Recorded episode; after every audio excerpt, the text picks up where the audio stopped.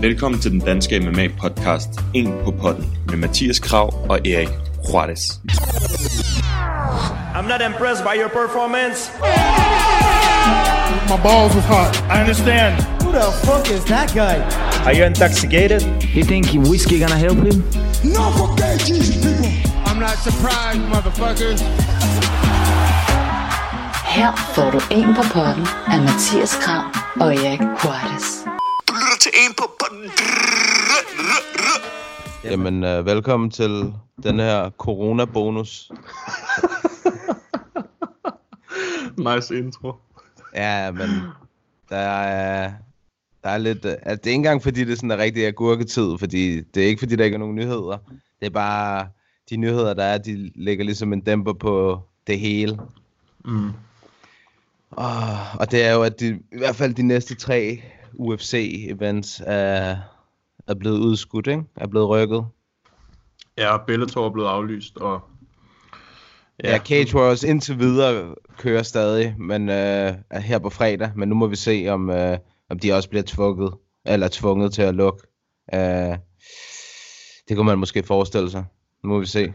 Ja, det, altså, det, jeg, tror, jeg tror kun det er, fordi England de er lidt langsommere til at altså, lukke ting ned, end vi er. Ligesom vi var langsommere end italienerne. Ikke? Så tror jeg, at det kommer til at gå stille og roligt, og så til sidst så lukker de også alt ned. Det tror jeg sgu. Ja, det er nok en meget god idé. Specielt også, når altså, man må gå ud fra, at det er det samme team, som der også var i Brasilien her i weekenden. Og jeg, jeg læste lige før, at, øh, at Randa Marcos, som kæmpede i weekenden, måske har coronavirus. Ja. Så hvis de har været omkring hende, så... altså, for Ja. helvede. Præcis. Det er en ond spiral, vi er inde i lige nu. Ja, det er det, må man sige. Men der var gode nyheder fra, fra øh, Kina, læste jeg. At der var øh, noget med, at de havde... Altså, der var en af de der nødhospitaler, de havde skulle, øh, som de havde oprettet, eller hvad kan man sige, fået op at stå. De kan jo ikke, altså det er sådan noget, der normalt kræver virkelig meget forberedelse, men det har de jo bare gjort. Tror, de havde nogle af 20 eller i slutningen af altså 19-18 stykker, som de har fået op at køre. Og det, der har de så fået øh, en af dem lukket ned nu. Eller hvis ikke alle sammen, jeg kan ikke lige huske artiklen, men det der med, det bliver bedre og bedre derovre i hvert fald. Altså, de har lukket det nødhospitalet ned, fordi der er mindre at lave, eller? Ja, præcis. Ja, okay. Det jo altid en god nyhed. Ja. Ja. Så jeg er kun glad for, at vi lukker mere og mere ned her i Danmark, fordi så går det hurtigere og hurtigere, tror jeg. Ja, hvad fanden, altså, hvad får du tiden til at gå med? Altså, jeg har øh, spist ufattelig meget mad. du, ved, du ved, jeg elsker mad, og jeg, Ja. kan, jeg elsker at lave mad. Så det har jeg brugt tid på. Jeg har set virkelig meget Masterchef. Ja, Jeg tror, jeg, jeg er i gang med tre. Altså, jeg har set uh, Masterchef USA, Masterchef Danmark, og nu er jeg jo gået over til den engelske version. Så det er sådan, jeg kører bare på... Det er ikke fordi, jeg sidder og stener det, men det kører lige i baggrunden, imens jeg laver noget andet, ikke? ja, Og så har jeg selvfølgelig set en hel masse MMA-kampe. Øhm, jeg, jeg gik ind og så, det kan jeg også, altså kan vi, det kan jeg lige så godt sige nu, at jeg gik ind på, på Fight Pass, og så så jeg, at de har lavet sådan en championship, øh, hvad hedder sådan et, en lille, hvad kan man sige, videoserie med hver champion, fra deres øh, debut til deres altså tidligste kamp, eller seneste kamp, de har haft. ja. Øh, så jeg har været inde og se øh, benchet, nogle af de der champions, som vi har i UFC lige pt. Hvem har du set? Sti, Stipe, den så jeg i går. Ja, Fuck, han er vild, mand. Han er fandme vild. Steve, han er god. Der er, der er ingen vej udenom. Ja, den, den, øh, den, ham har jeg set. Hvad fanden var det, jeg så her? Øh, Shevchenko har jeg også været inde og se nogle af. Øhm, jeg så blandt andet den, som du, øh, du havde i dine mismatches. Han mod, Casio, øh, mod Priscilla Cachoeira. Ja, for Ja, det er bare satan mor jo, altså. Ja, det er mor. Det er det. Øhm, så jeg har været inde og se nogle af dem, så for alle der jer, der har Fight Pass, vi skal nok komme ind på nogle flere ting selvfølgelig, men øh, gå ind og tjek der, der er altså masser at se, masser af binge-worthy material, man kan se derinde. Der er virkelig meget. Ja, det er, altså, Fight Pass er bare the bomb. Mm. Det, er, det er alle 65 kroner værd, eller? Jamen, det lyder helt overdrevet, at det kun er så lidt, ikke? jo. Ja, og så altså, specielt også på grund af i weekenden, der kunne du have set hele øh, eventet på Fight Pass. De viste hele, øh, hele eventet på Fight Pass på grund af coronaen. Ja, okay. Ej, det vidste jeg faktisk ikke, fordi jeg så det på Viaplay. Men, Ja. øh, men nice. Hvad med dig? Hvad får du tiden? Du arbejder, eller hvad? Stadig? Nej, ikke rigtigt. Nej, okay. Ikke rigtigt. Der er lidt corona-tider, ikke? Mm. Øhm, jamen ellers så, så slapper jeg bare af, sover længe. Min døgnrytme, den er helt øh, fuldstændig vendt op og ned. Altså. Ja, du skrev til mig klokken halv to, eller sådan noget. Hey, godmorgen. Ja, præcis. Jeg, Jeg laver, bare, ser alt muligt på Netflix og YouTube, og uh, jeg kan godt lide at se e-sport en gang imellem. Counter-Strike synes jeg er meget sjovt at se. Så der er, Ja. der, der er sådan en stor turnering, der kører lige nu, som jeg sidder og ser. Fedt nok. Det kan Ja. sgu også være, at jeg hopper på den. Det er sgu meget sjovt at se en gang imellem. Ja, Ja, jeg, har, jeg har også selv spillet ret meget. Jeg har spillet, øh, hvad hedder det, øh, NBA. Jeg har købt det der UFC 3-spil, Ja. øhm, som jeg ikke har spillet. Jeg har ikke spillet det der UFC siden, ja, det er sgu næsten siden det der 2009-version, eller 10-version, eller hvad fanden det var. Jeg tror, jeg havde toeren. UFC. Ja, men jeg, den med Brock Lesnar udenpå, det er den, jeg husker. jeg tror, jeg havde det med Connor. Øhm, Åh, oh, hold op. Og så, Corona. så har jeg, jeg har, så har jeg, øh, så har jeg lavet en karakter, der hedder Ole Vedel. som bare er totalt slæsk. Ja. Ja. Hvad, hvad er det for en vægtklasse? heavyweight. Jeg lavede, den over, jeg lavede den helt overdrevet. Han, er, ligner, han ligner sådan en blanding af Roy Nielsen og en eller anden viking eller sådan noget. Så har jeg lavet sådan en kors tatovering med sådan et kors, hvor at, at, øh, det rammer hans nipples lige i midten, sådan helt perfekt. Du kan høre, hvor meget jeg har stenet, ikke? Jo, der, er, der skal bare bruges noget tid på et eller andet. Ja, det er sindssygt. Så det kan også anbefales. Åh, ja. Ja, ja, men, øh, men vi skal jo have gang i noget MMA-snak alligevel. Ja. Og altså, vi... Hvad, hvad er det for nogle ting, der er blevet rykket? Lad os lige få styr på det, fordi at de er jo blevet aflyst, men formentlig rykket til, til øh, andre tidspunkter.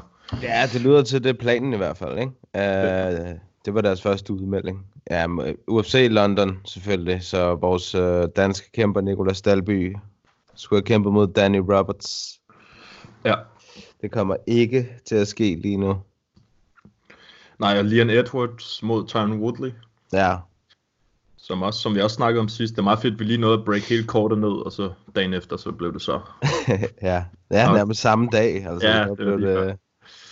Ja, men der, men der har også været snak om, så Kobe Covington, han vil hoppe ind i stedet for Leon Edwards, og øh, hvad hedder han, Gilbert Burns, han sagde også lige, er vi klar, øh, så er jeg klar, eller hvad det hedder, ikke? Men Jo. så blev det hele bare aflyst.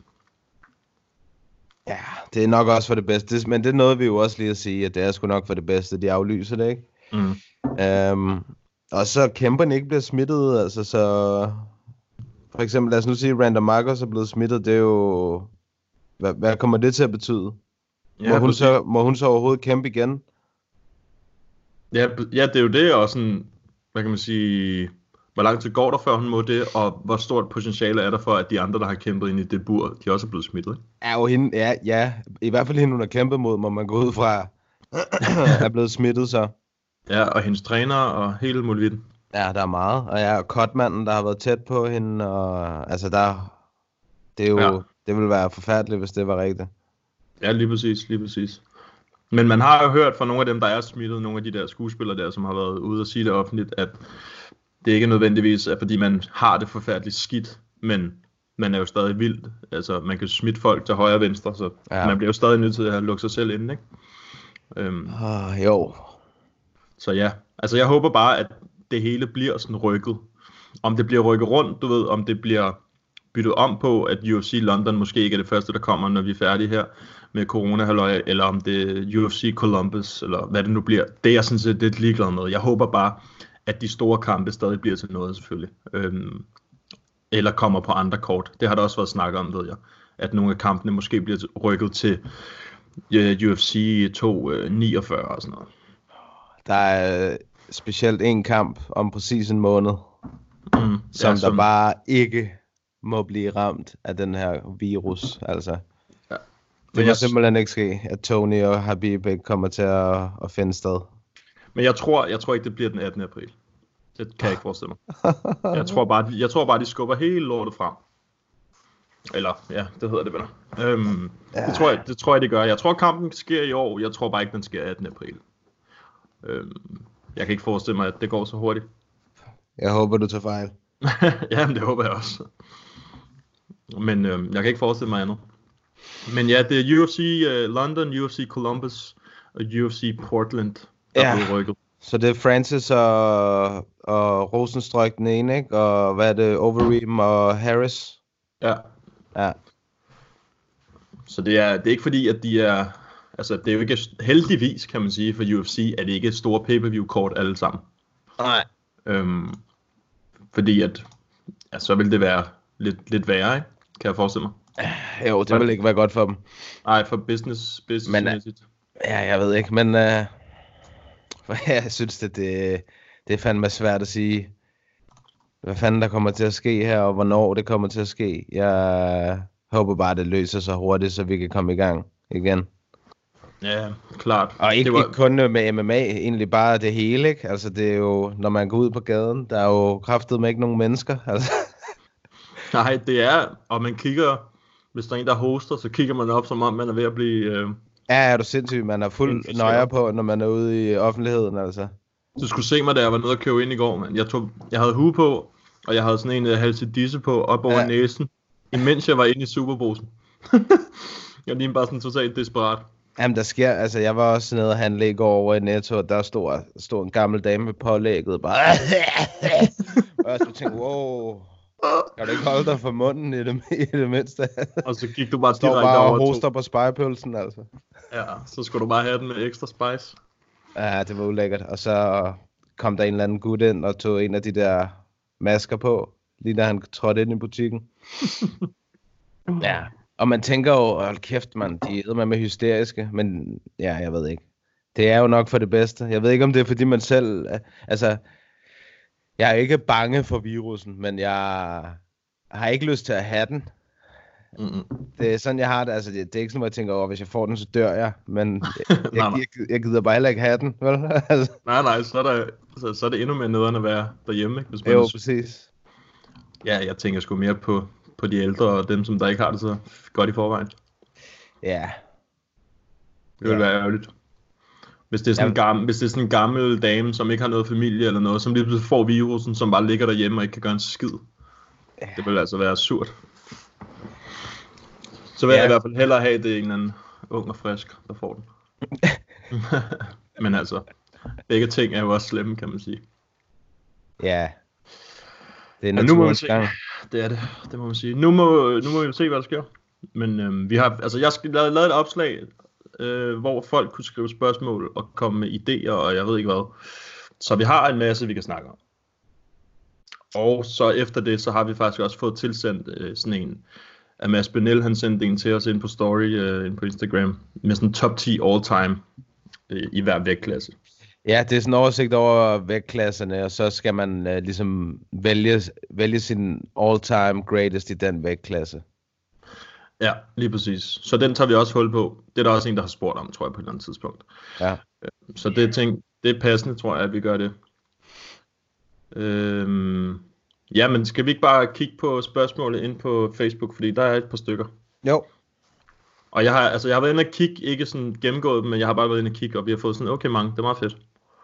Øhm, vi kan bare tage dem fra toppen af. Adam, han spørger, mere generelt spørgsmål, hvad fik jeres øjne op for MMA? Det har vi fået for et minut siden, så det er passende nok. Det er rimelig aktuelt, så. Ja, Åh, hvad, altså, hvad, hvad der gjorde, at uh, man fik øjnene op for MMA? Jeg tror først og fremmest, så var det jo, uh, altså der er jo noget uh, sådan wow-faktor i det, når man ser det. Altså, som der er blevet sagt mange gange, det er lidt ligesom med, med et biluheld. Hvis du ser et dyr, det er svært at få øjnene fra det, ikke? Når, ligesom når der er nogen, der slås. Mm. Det, det er spændende. Uh, og så, så tror jeg, at... Uh, jeg har det så sådan, at når, når jeg virkelig bliver interesseret i noget, så går jeg helt dybt i det. Så går der helt Rain Man i det, ikke? Altså, så skal jeg undersøge det hele, og hvorfor sådan, og hvorfor dit, og hvad er bedst, og hvad er, du ved, alt muligt. Jeg, skal, jeg vil vide det hele. Så, øh, så, så jeg tror at også, det jeg synes, der var spændende, det var, at når man ligesom begyndte at forstå, hvad det var, man kiggede på, så kunne man sådan rigtig se, okay, ham er han er dygtig til det her, og, og er, er brydning måske det bedste, eller er det, er det hvad hedder det, thai-boxing, eller er det jiu-jitsu, eller hvad er det? Alt det her det er jo ligesom sådan en stor cocktail af excitement. Jamen, det er rigtigt. Det er det der.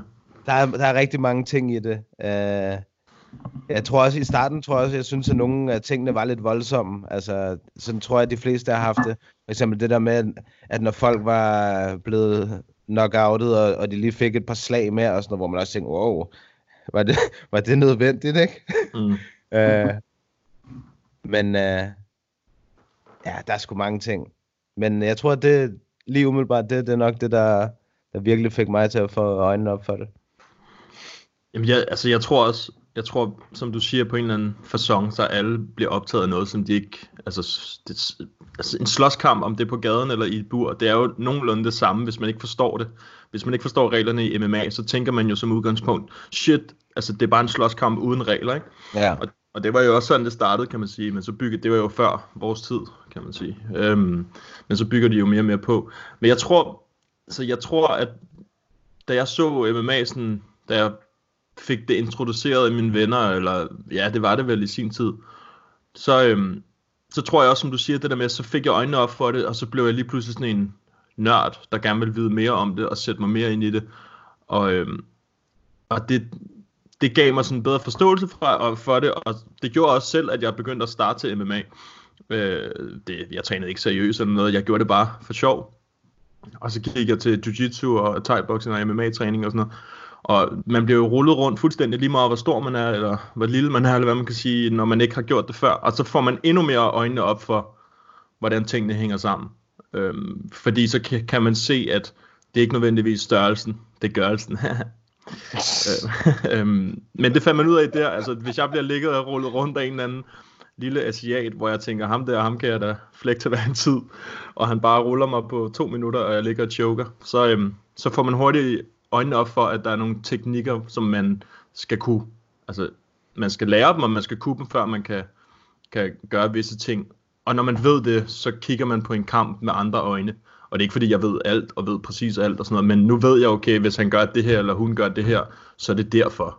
Øhm, og grund til, at de vinder kampen, er fordi de ligger, altså hvis der er en, der ligger på ryggen for eksempel, øh, altså, og har, har ryggen på en, men ligger øh, sådan presset ned mod gulvet, så kan man godt tro, hvis man ikke kender MMA-reglerne, eller hvad man kan sige, at personen, der ligger med ryggen oven på den anden, er den, der vinder, fordi de ligger øverst. Altså, det er jo sådan nogle helt basale ting, som vi tænker, nah, det er da klart, at den, der har ryggen, vinder kampen. Men dengang, så vidste jeg ingenting om det. Mm. Så det var meget fint at finde ud af, at det rent faktisk er, er meget dumt at ligge med ryggen til nogen, som bare lige kan choke en lige pludselig. Øhm, og så havde jeg også på det tidspunkt, det snakkede vi om i allerførste episode af En på potten, at det der med, at man, havde, man skal have nogen at se det med, eller det var i hvert fald det, jeg havde i starten, ikke? Øh, nogle kammerater, som gik op i, i kampsport også, og som, som så MMA, og så så vi det også sammen. Jeg tror, det første event, jeg så, nogensinde så sammen med dem, det var UFC uh, 100. Ja. Øhm, og så havde jeg selvfølgelig fulgt op siden da, og set og The Ultimate Fighter og sådan noget. Men det hjælper at have nogen at se det sammen med. Men så, jo ældre man bliver, så er det som om, jo andre, altså, så er der andre ting, der lige pludselig betyder noget mere, så får man arbejde og, de, og børn og alle de der ting. Og så, øh, og så sidder man med det alene, og det var jo også sådan lidt det der med, da vi fandt ud af, shit, vi har samme interesse for det, så gav det bare, så gav det bare god mening, ikke? Jo, helt bestemt. så, så det er sådan, det er lidt en blanding af, at det er noget nyt, eller det var det på daværende tidspunkt, og så når man finder ud af, hvordan tingene hænger sammen, så bliver det lige pludselig meget mere spændende, øhm, end når man ikke forstår det.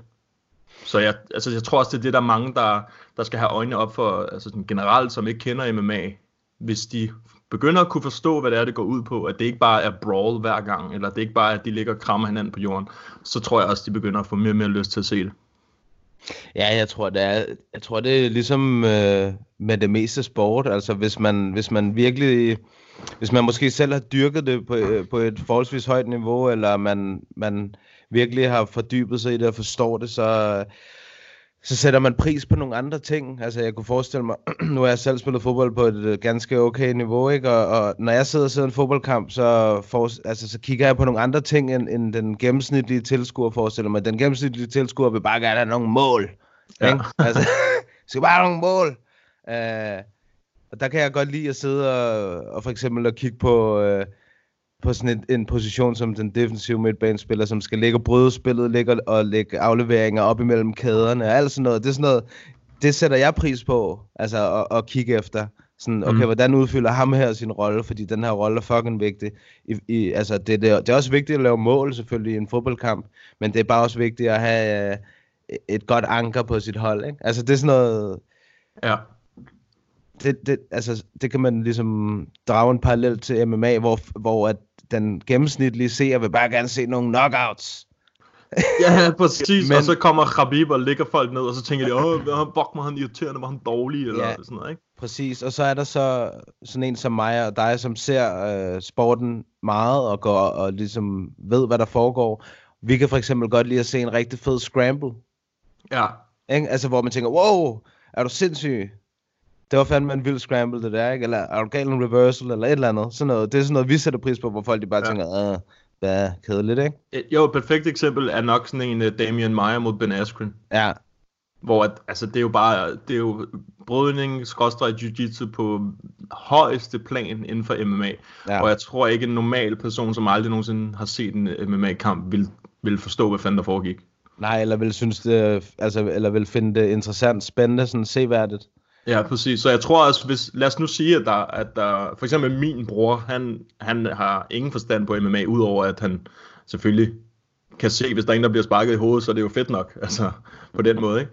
Men han vil jo være sådan en, jeg kunne, men han forstår stadig at fodbold, han er super god til fodbold, så han vil kunne forstå, hvis jeg sagde til ham, okay, det er de her ting, der er vigtige i den her sport, så vil han godt kunne sætte sig i det, som du siger, med at, at der er nogle ting, der er vigtigere end andre, selvom man ikke lægger helt mærke til dem. Så jeg tror, hvis man sad sådan en som mig, sådan en som dig, eller vores lyttere sad og forklarede folk, hvad det var, der foregik, så tror jeg godt, de kunne få øjnene op for, at det var lidt mere avanceret end bare en slåskamp. Helt bestemt. Det er jo, som, som, det, også, altså, som det bliver kaldt ofte, human chess. Ikke? Altså ligesom i jiu-jitsu. mm. Hvor det handler om at være et skridt eller to foran sin modstander. Ja.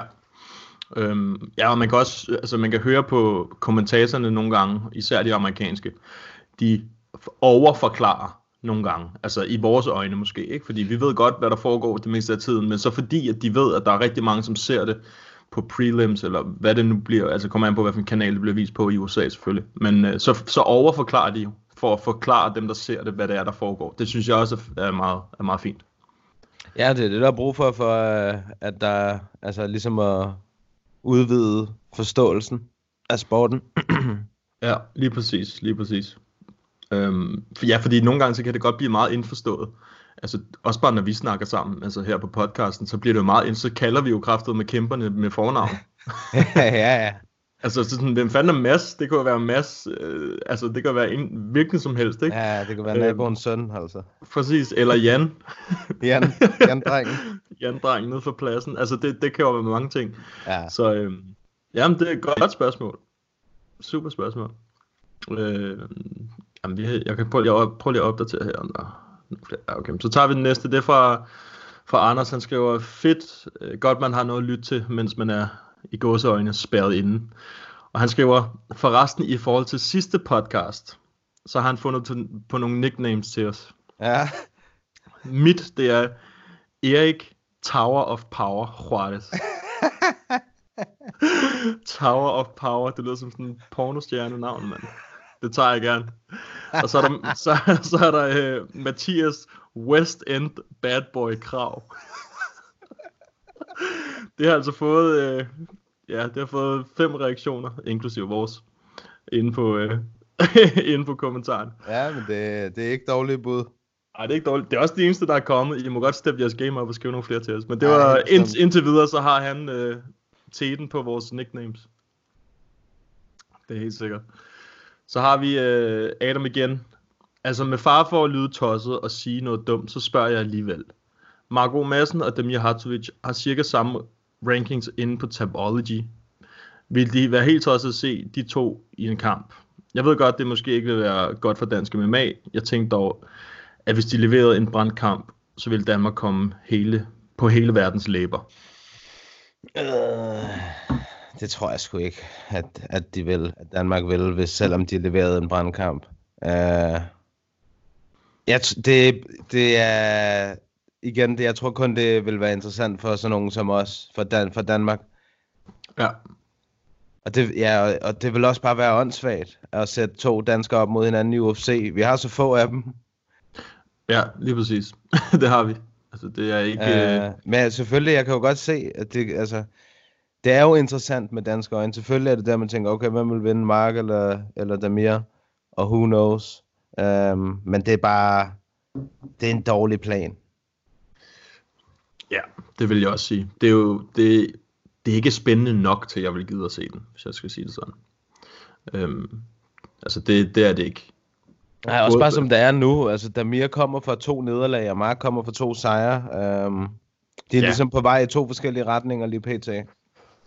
Ja, ja, præcis. Og, og Mark, han skal bare køre sit eget. Altså, jeg synes slet ikke, han skulle tænke på. Fordi fokus, det vil blive noget andet. Der vil, ja. der vil være noget andet fokus oh. på, på kampen, end, end hvad der normalt har været på Marks kampe, for eksempel. Jeg synes, det er dumt at miste. Ikke fordi jeg siger, at der er en dårlig modstander. Det er ikke noget med det at gøre. Øh, det vil være en fin kamp. Men, men fokus for Mark, den er at komme ind altså i toppen så hurtigt som muligt med det, han har fået. Det vil sige, at han har stadig to kampe på kontrakten nu.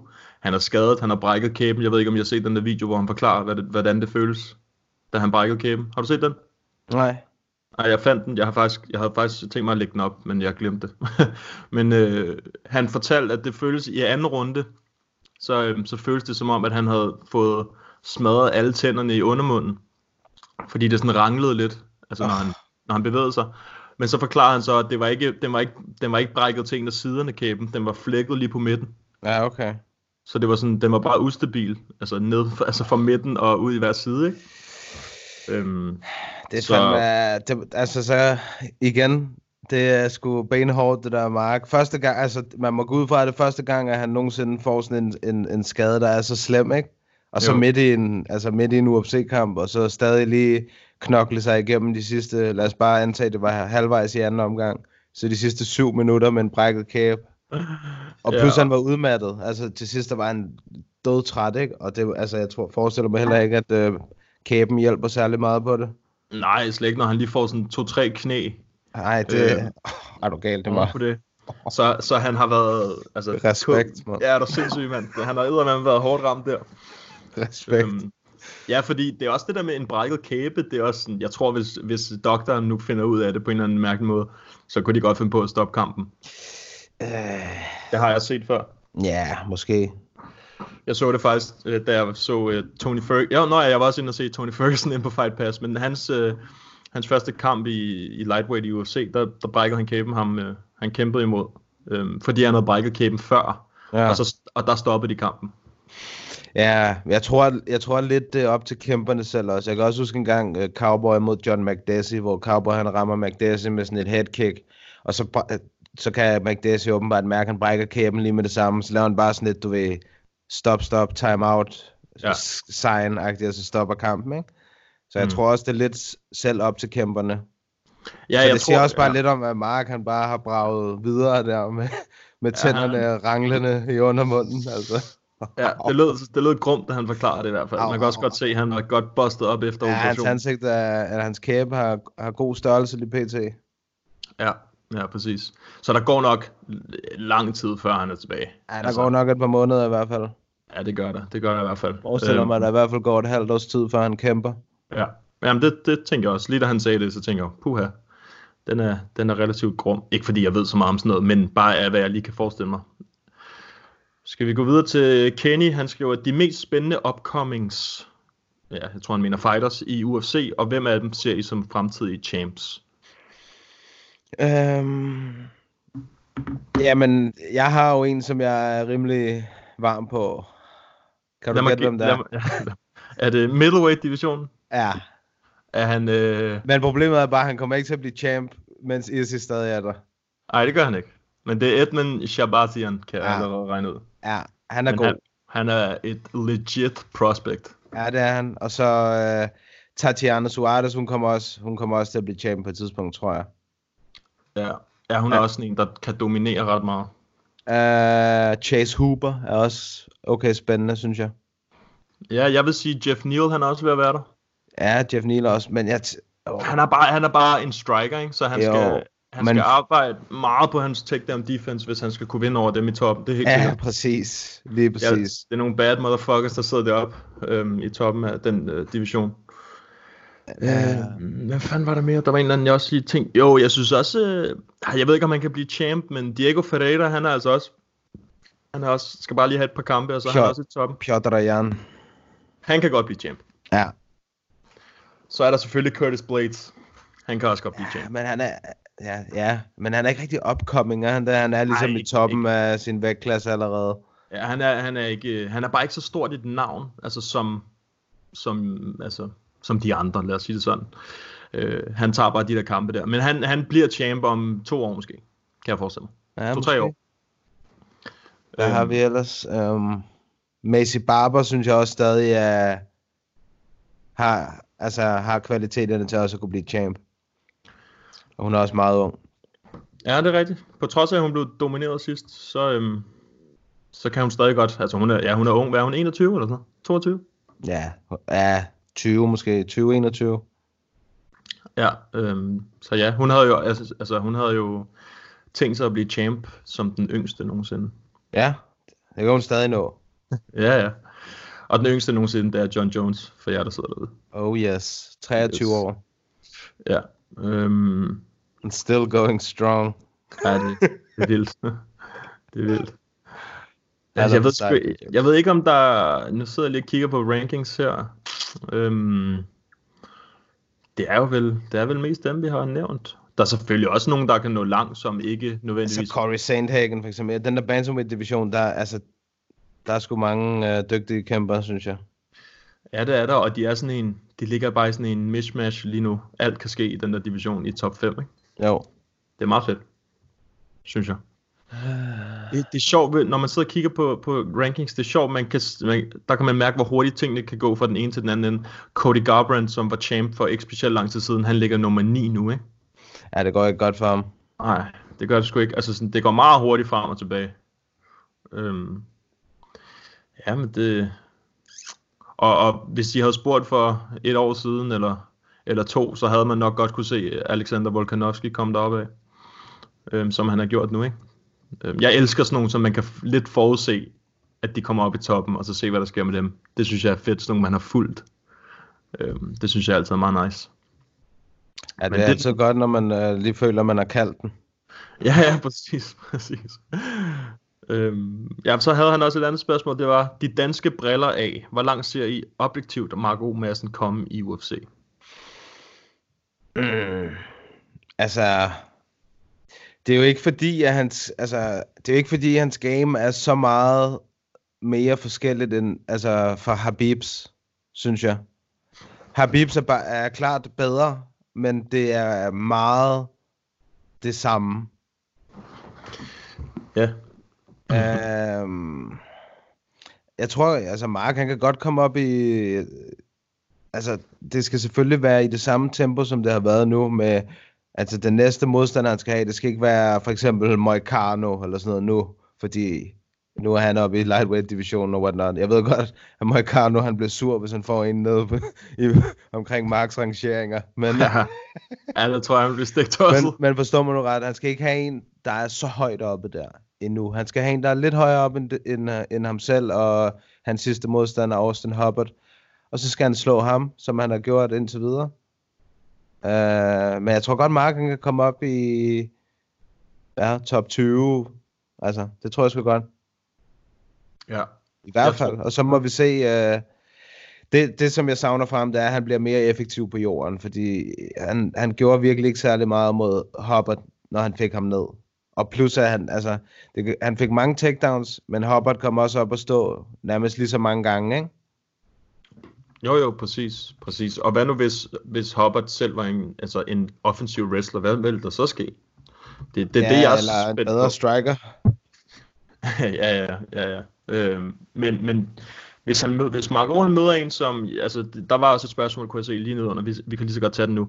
Det er fra Markus. Han spørger, kan I matchmake Marco Madsens næste kamp? Det er jo lidt det samme, som vi sidder og snakker om nu. Øh, men jeg kaldte den jo sidst. Eller kaldte den. Det er min, min bedste idé, det var Clay Guida. Ja, Fordi han har offensiv wrestling, han er en fucking grinder, og han er også en vildbasse, når det kommer til striking og sådan noget. Han kan lidt af det hele, Ja. men pr- primært er han bare sådan en grinding wrestler. Sådan en, som Mark i virkeligheden er, men Bare mere uorthodox. ja, bare meget mere vild, ikke? Øhm, Upoleret, ja. Præcis. Og så har han bare et meget, meget, meget større navn. Alle, de fleste kender ham i, i MMA-verdenen, Clay Guida. Så ham vil jeg gerne se ham mod. Også bare for at se, om hvis han kan vinde over Clay Guida på dominerende fashion, så, så tror jeg, at folk begynder at tænke, okay, Jamen, jeg tænker også, jeg, jeg synes også, at sådan et, en af de ældre, en fra den gamle garde, der er sådan en som sådan noget Evan Dunham, eller sådan noget, du ved, en af dem der, mm, eller, øh, eller Clay Guida.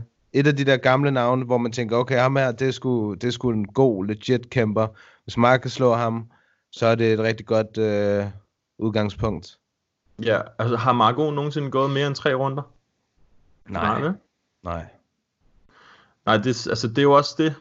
Championship rounds, jeg ved godt, Marco sikkert har vild øh, cardio, men, men championship rounds, det er også noget andet.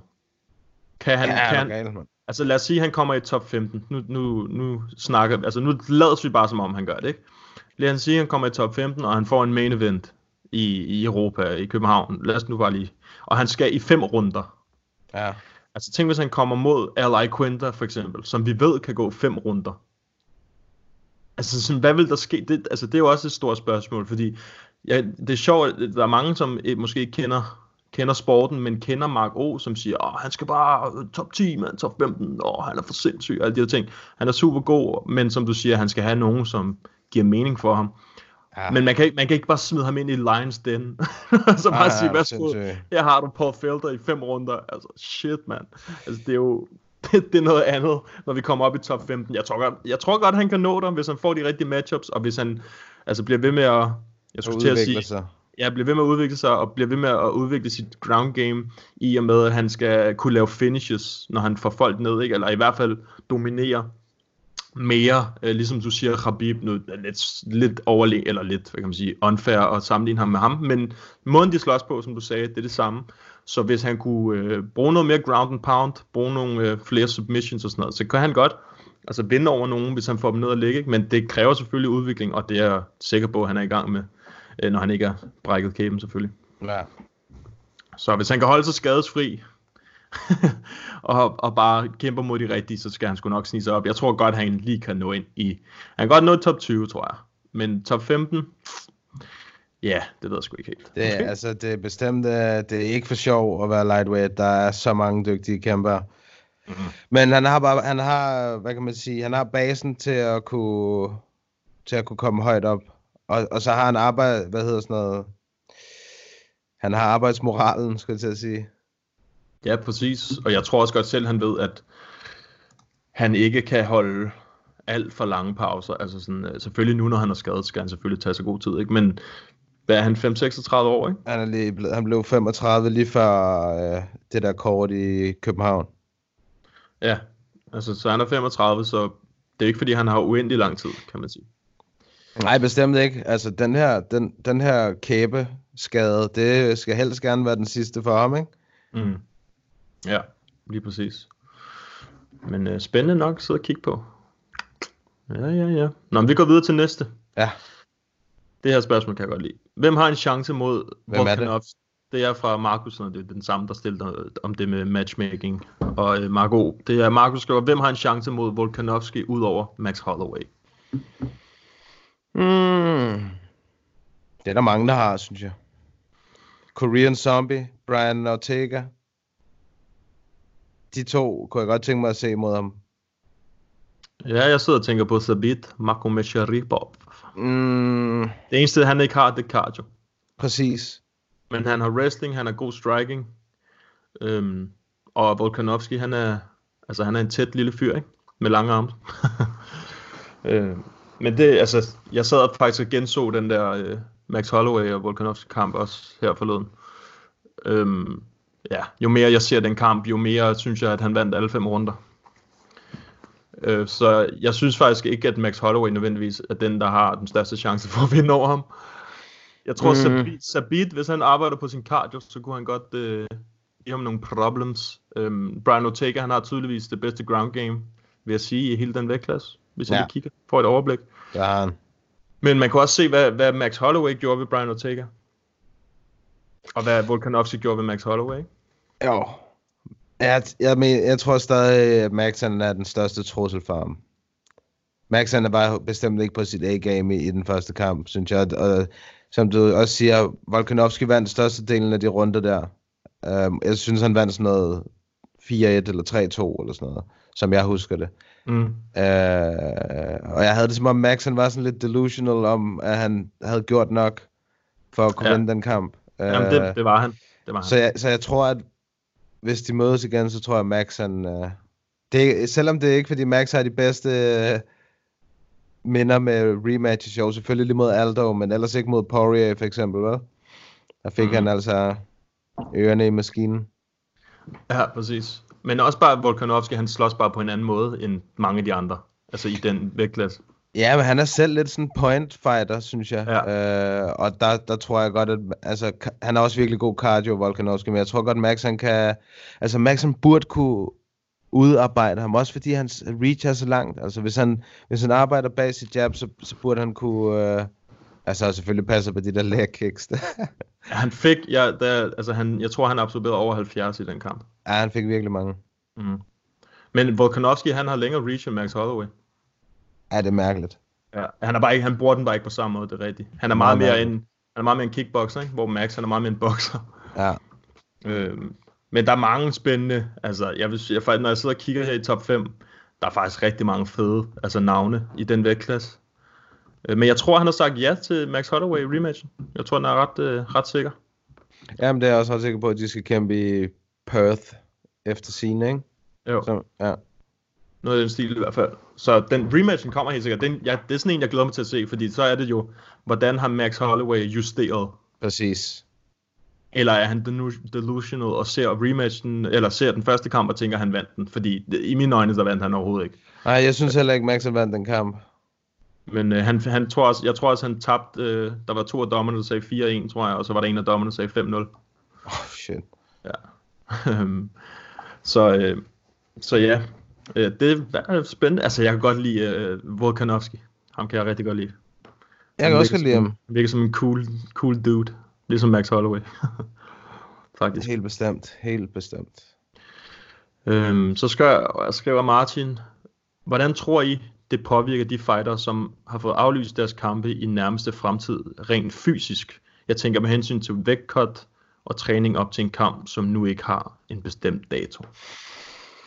Øh, Det er et godt spørgsmål. Men jeg forestiller mig, når man får at vide, ens kamp aflyst, så begynder... Altså, det er ikke sådan, at man begynder direkte at, at spise pizza og lavkage og sådan noget. Men jeg tror, at du ved, så bliver det nok mere hver, altså, hverdag igen. Mm. Så det, jeg tror ikke, at det er fordi, så lever du af bønner og kylling og... Nej, det... Det er altså, bare jeg- sådan nogenlunde, altså Ja. holder man det vel bare nogenlunde ved lige, og, og, og håber på, at man snart får øh, en ny dato, der ikke er, er om alt for længe. Jamen præcis. Af hvad jeg har kunne se inde på kæmpernes uh, Instagram, blandt andet Dalby og uh, Leon Edwards, det er begge to, altså det er lidt den samme respons, det der med, de, nu har de, de har glædet sig, og de har trænet super, super hårdt, og de er deres livs form, altså sådan, til den her kamp, ja. til den her dato. Men jeg tror lige så snart de kommer over det, altså over det der med sådan, fuck, nu, nu er den her kamp øh, scratchet. Jeg tror lige snart de kommer over det der med, at de ikke skal kæmpe, så tror jeg de finder ud af, okay, den bliver rent faktisk bare skubbet. Det vil sige, om et par måneder, eller hvad det nu bliver, så får vi annonceret en ny kamp, måske samme modstander, øh, måske et andet, øh, andet sted, hvem ved. Men det der med, det er ikke fordi det, det kommer til at ske, det er bare ikke nu, det kommer til at ske.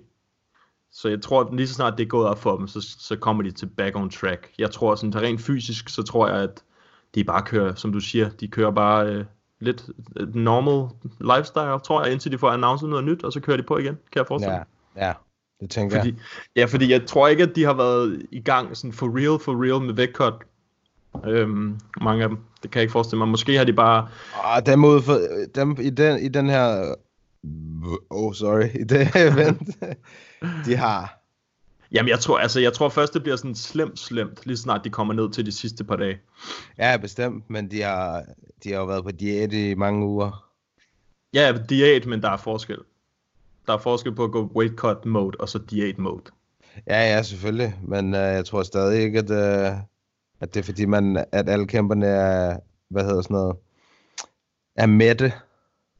Ej, det er de, ej, nej, det er de ikke. Går Sådan- mætte rundt. Sådan er det jo på en diæt. Men jeg tror bare, at de meget, jeg tror, de, de vil være, jeg tror, de vil have god neder på, hvis de skulle cut weight på selve dagen, og så få det, eller dagen før, og så få at vide på dagen, der hvor de skulle være klar i weight, at det var blevet scratchet. Det tror jeg havde givet dem god neder på. Ja, Altså sådan fysisk. ja. Er du sindssygt? Bare stå sådan et skelet. Nå, men jeg skal ikke kæmpe alligevel. Ah, fuck. ja, så skal man i hvert fald have betaling. Det er helt sikkert. ja. Men jeg tror, at de fleste, de øh, sådan, har prøvet det før. Altså sådan nogle ting før, kan jeg forestille mig. Ja, det, det sker jo tit i MMA, at der er en eller anden, der falder fra. Så ja, det tror jeg, du har ret i.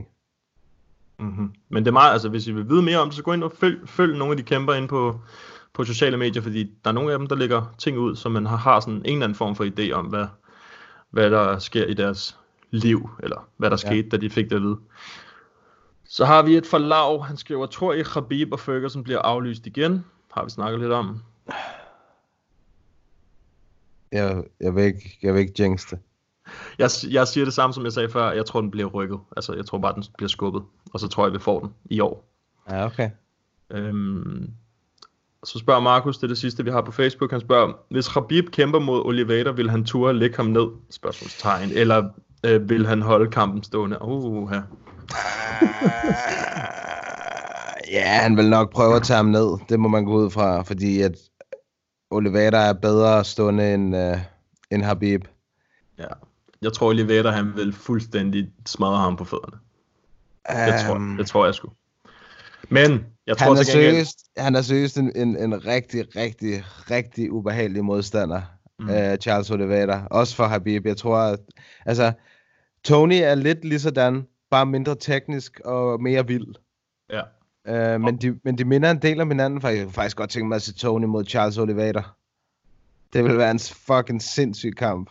Jamen, den har jeg hørt flere snakke om, så den Ja. ja. har jeg også tænkt på, faktisk. Øhm, men jeg tror, forskellen på de to, og på Tony Ferguson og alle de andre, det er, at hans cardio, den er umenneskelig. Jeg, Jeg har aldrig Tonys- set noget lignende. Jeg har aldrig fucking set noget. Altså, da jeg sad og binge-watchede ham, jeg er stadig ikke færdig med hans kampe, men, øh, men altså, fuck, mand. Han bliver ved. Han, Han er kan ikke sej, stoppe. Tony. Det er så sindssygt, og der tror jeg, hvis det var en femrunders kamp ham mod Oliveira, så tror jeg, Tony han vil tage den. Men på farlig plan, altså de er gode striking begge to, og de er gode på gulvet begge to, det vil være Scramble City. Ja. Tony, han er bare, han har nogle gange en tendens til at, at lade sin chin være oppe i luften. Ja. Altså, han, han bliver altså ramt ofte. Han bliver ramt i stort set alle hans kampe. Ja, præcis. Han blev også droppet af Pettis, og han blev droppet af Lando Venata, og altså, det sker, det sker ofte for ham. Ja, ja, præcis, men hans, altså, hans pressure, det er...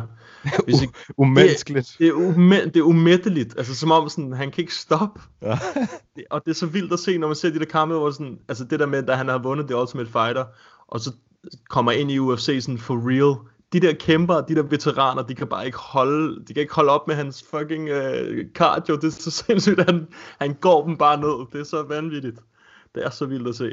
Øh, nå, det var slet ikke det, der blev spurgt om. Men øh, god, det kunne være en fed fight. Øhm, ej, jeg tror, at Khabib, han vil øh, tage ham ned. Øh, Ja. Charles Oliveira. Der er, ikke, der er jo ikke andet for. Khabib, han kan én ting, og det er det, han kan. Ja. Og han kan, jeg tror til gengæld også godt, at han vil kunne vinde over ham, hvis han gjorde det. Jeg tror, det vil blive en udfordring, men jeg tror godt, at han vil kunne maul ham, som han selv kalder det. Ja, det vil være som, øh, altså, det vil være som at holde et eller andet en krokodille nede for ham, eller sådan noget. Han skulle virkelig passe på. Ellers ja. Så bliver han altså, så ryger der en arm, eller et eller andet.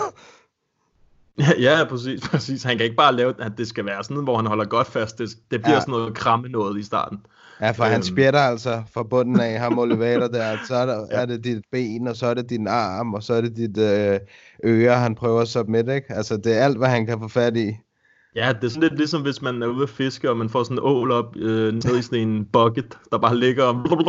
Det er bare sådan, han er, når han rører ned på gulvet.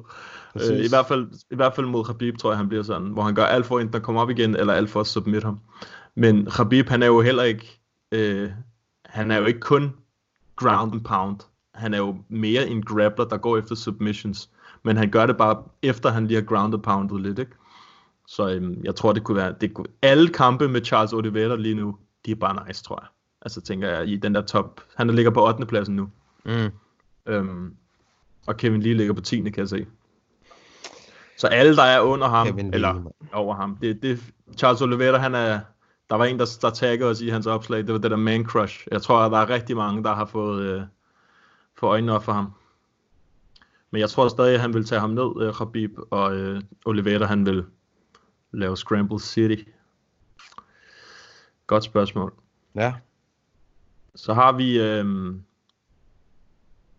På Instagram der er det der med Francis billede, ikke? Jo, nej, det er også det er faktisk Oliveira-billedet. Det er det første, eller det seneste, jeg har lagt op. Øhm. Altså, der er en, der skriver, Jannik, han spørger, en, en top 10 all-time pound for pound, pound. Øh, puha. Det ved sgu ikke, det, det er svært at gøre lige sådan på stående fod. Ja, det er noget, vi lige skal... skal lige lidt Der skal man lige forberede sig. Ja. Så spørger JB120374,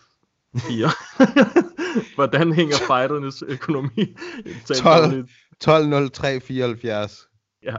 er nok Ja. der, han er født, kunne man forestille sig. ja, det kan man godt forestille sig. Øh, hvordan hænger fighternes økonomi sammen under disse aflysninger af kampe? Jeg tror ikke, det hænger så godt sammen. Det tror jeg heller ikke. Jeg tror ikke, at uh, UFC betaler folk for ikke at kæmpe, desværre. Nej, jeg ved, Bellator, de betalte den. Ja. Det, det synes jeg er ret vildt. Det er også, altså, men Scott Coker er også bare indbegrebet af god stil. Ja, han er bare Robin Hood i MMA. Ja, han er nice. Ham kan folk virkelig godt lide. Ja, øhm, så jeg tror, det kommer lidt an på, hvad for en organisation man er i. Jeg tror ikke, de bliver betalt. Det Noget tror jeg heller ikke. Jeg tror ikke, det gør. Jeg kan ikke forestille mig det. Selvfølgelig så tror jeg, at de får ligesom at vide det der med, at I får en kamp, den kommer til, altså jeg tror, at UFC, de sørger for at fortælle dem, at det nok skal gå. altså. på- Jeg håber, sagt altså, jeg kort. håber sgu, at Dalby og de andre kæmper får nogle penge. Det håber jeg, fordi det, de, har, de har jo brugt øh, masser af finans på træningslejre og altså træning, hvad hedder sådan noget, sparringspartner og alt sådan noget. Ja, præcis. Og så også, også bare dem, som ikke engang er i UFC, det ved jeg, de bruger også penge på sådan noget. Så det er, ja. altså det er, der er mange penge i det, hvis man ikke tjener nogen penge. Altså så man bruger mange penge, men det er jo en investering. Og hvis tingene lige pludselig bliver cuttet, så kan man ikke få noget ud af den investering. Og det er også bare, det er pisse ærgerligt, og jeg tror, at jeg håber virkelig også, at de får et eller andet for det. Ja. Øhm, hvad de får, og hvornår, og hvordan og hvorledes, det har jeg ingen idé om. Men øh, det, der er, jeg tror, der er nogle øh, fighters, der bliver ramt ret hårdt af det, kan jeg forestille mig. Så er der Jannik, han spørger. Tak fordi I gider smide podcast op. Selv tak. Sjovt lille tanke-eksperiment. Brasilien versus USA, deres bedste all-time i hver vægtklasse, imod hinanden. Hvilket land vinder flest kampe? Så skriver han bagefter, selvfølgelig ikke på samme tid, men i en kamp ad gangen. Nej, vi spiller dem alle sammen ind på en gang. Ja, det er også en, man skal forberede lidt, tænker jeg. Ja, der, der er mange, der er mange navne og, og kæmper, der skal, der skal falde på plads i det puslespil her. Ja, det er der. Men vi kan jo, øh, vi kan jo faktisk tage, tage dem næste gang, hvis det er. De to. Så kan vi lave hver vores. Øhm, altså, der kommer jo højst sandsynligt ikke nogen MMA-events alligevel. Nej, det gør det sgu nok ikke. Så øh, vi, fordi i dag, der har vi allerede tænkt os at lave en top 10 of greatest of all time liste, hver især. Øh, eller komme med vores i hvert fald. Og så, øh, så kan vi jo tage de her næste gang, eller en af dem næste gang. Øh, det, kunne, det kunne være meget sjovt at kigge på. Fordi Brasilien og USA, de har haft mange, rigtig mange gode kæmper. Eller de har mange stadig, ikke? Øhm, jeg kan lige se, om der er nogen inde i vores Instagram Er story. det, ikke, det er ikke 10, det er kun 8. 8 hvad? 8 vægtklasser. Nå, ja. øhm, Og flyweight til heavyweight. ja, det er rigtigt. Nå, der er ikke nogen... Og der, jeg har spurgt, hvad folk øh, skal se, nu når de har tid til det. Ja. Og øh, Mads Benel, han skriver Dan Henderson mod Vanderlei Silva. Yes. Han elsker Dan Henderson. Så skriver øh, Ben- Benzito, han skriver bare noget med Nate Diaz. Ja. Mr. Dolce Galucci, han skriver... Dolce Galucci. Ja, musk, musk. Han, musk, musk. Mr. Musk, musk. Han skriver, med de nye 1,5 meters afstandregler med det her corona, så ser han Frank Mir mod Crow Cup. det var også bare en stenerkamp. Black Beast mod Overeem. Nej, ikke Overeem, mod uh, Ngannou selvfølgelig. Ja, den tænker jeg også på med det samme. Så har jeg skrevet Navid, han skriver Nate mod GSP. Det er sådan Nate mod GSP. Det må være Nick mod GSP, tænker jeg. Ja, det tror jeg også. Ja, nogle gange. Det er svært at kende forskel nogle gange på de to. Og så øh, Spear Hunter, han skriver, skal se Amanda Nunes Knockout Compilation. Ja, hun er også voldsom, Amanda. Det må man bare sige. Ja.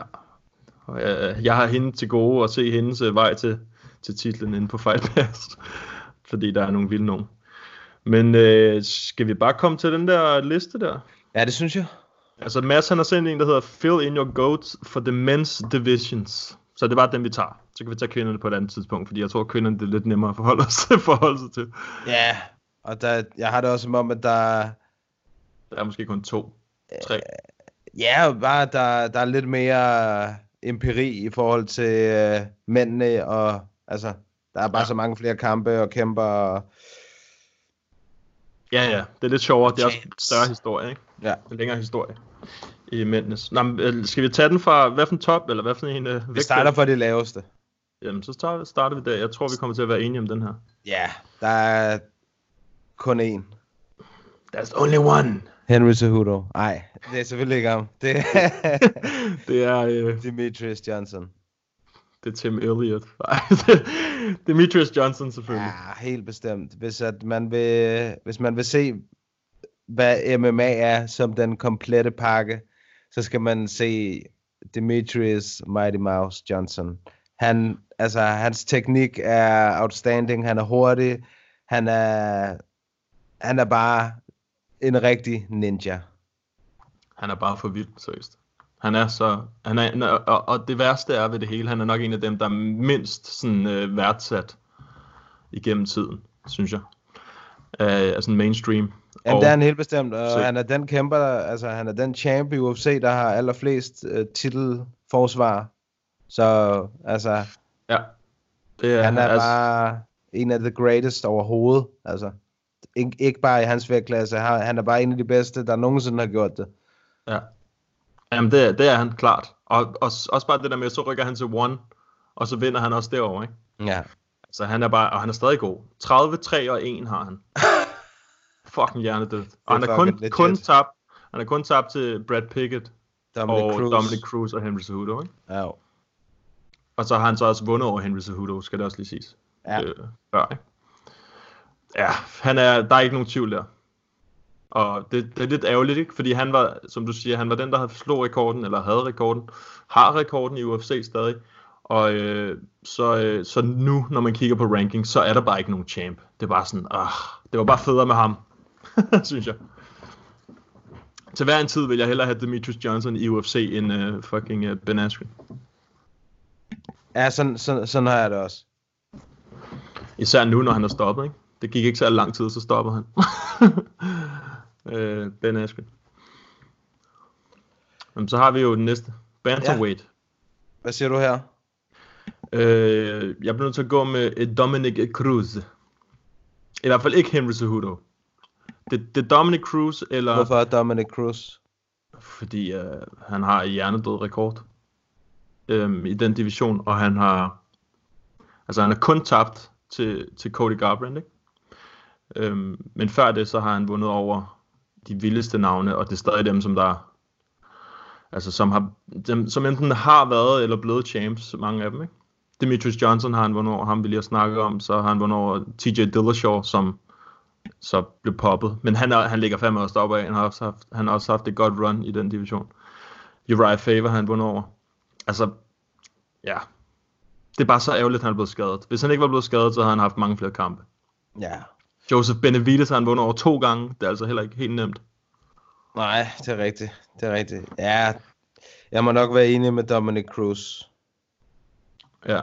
Og, Men, altså, der er TJ og ikke? Man tænker, jo. altså, altså, der var selvfølgelig også, der var selvfølgelig også Henan Barao, men uh, han havde helt glemt. Ja. Men det er fordi, han... Ja. Han er bare gået så meget ned i kadence, at han, er, han har diskvalificeret sig selv for den her samtale. Ja. Men lad os sige, at han ikke havde det, så ville han klart også ligge i toppen. Ja, selvfølgelig, selvfølgelig. Ja. Men efter, man kan sige, efter uh, TJ Dillashaw, han bare bankede ham. Ja, han har tabt, hvad var det? Fucking tabt, nej, det var Melvin Gillard, der tabt 9 i træk. Og her går gamle Melvin. ja, ja den, Jamen, den, det- den var vi enige om i hvert fald, Dominic her. Det, Og hvis, altså for jer, som ikke har set Dominic Cruz kæmpe, altså for jer, som måske først har set MMA efter Conor McGregor og alt det der, altså Dominic Cruz seneste kamp, den var for, altså det er 2016, det er lang tid siden. Og han har været skadet milliard gange med knæ, og jeg ved ikke hvad, det, det har været så ærgerligt, men han var den, som der nærmest opfandt den der mærkelige måde at kæmpe på, altså når det kommer til stand-up. Der var ikke nogen, man kunne ikke ramme ham. De, folk kunne, de, de kunne ikke ramme ham. Det var helt sindssygt. Det var TJ Dillashaw før TJ Dillashaw. han havde sin helt egen, virkelig helt unik fighting style, hvor han øh, har, har sådan noget helt øh, uorthodox foot movement og head movement, og, men han er bare, han kan bare et eller andet helt specielt, Dominic Cruz. Ja. Øh, det er jo kun Cody Garbrandt, der har kunne gøre noget mod han nærmest. Ja, Øhm, pretty much. Og så blev han choket af Uriah Faber i sin tid. Men det var, altså, det var da han lavede en takedown, så blev han taget ned. Eller Ja. så blev han Det var, da han var teenager-agtig. Altså, det, øh, 2007. ja, det er virkelig, virkelig lang tid siden. ja. Men altså, det, hans rekord, det er 24-2, ikke? Det er sgu flot. Eh, 22-2 hedder det. Ja, det er sgu, det er sgu udmærket, vil jeg sige. Så Dominic Cruz, han er også en, jeg nok lige skal ind og se nogle af hans kampe med. Han er altså legit. Han er sej. Ja. Så er der featherweight. Åh, oh, ja. Jeg bliver nødt til, jeg bliver stadig nødt til at sige uh, Max Holloway. det, ja, det, det, det, tænker jeg godt. Da Mads sendte den, så tænker jeg, det er nok den, vi er mest uenige om.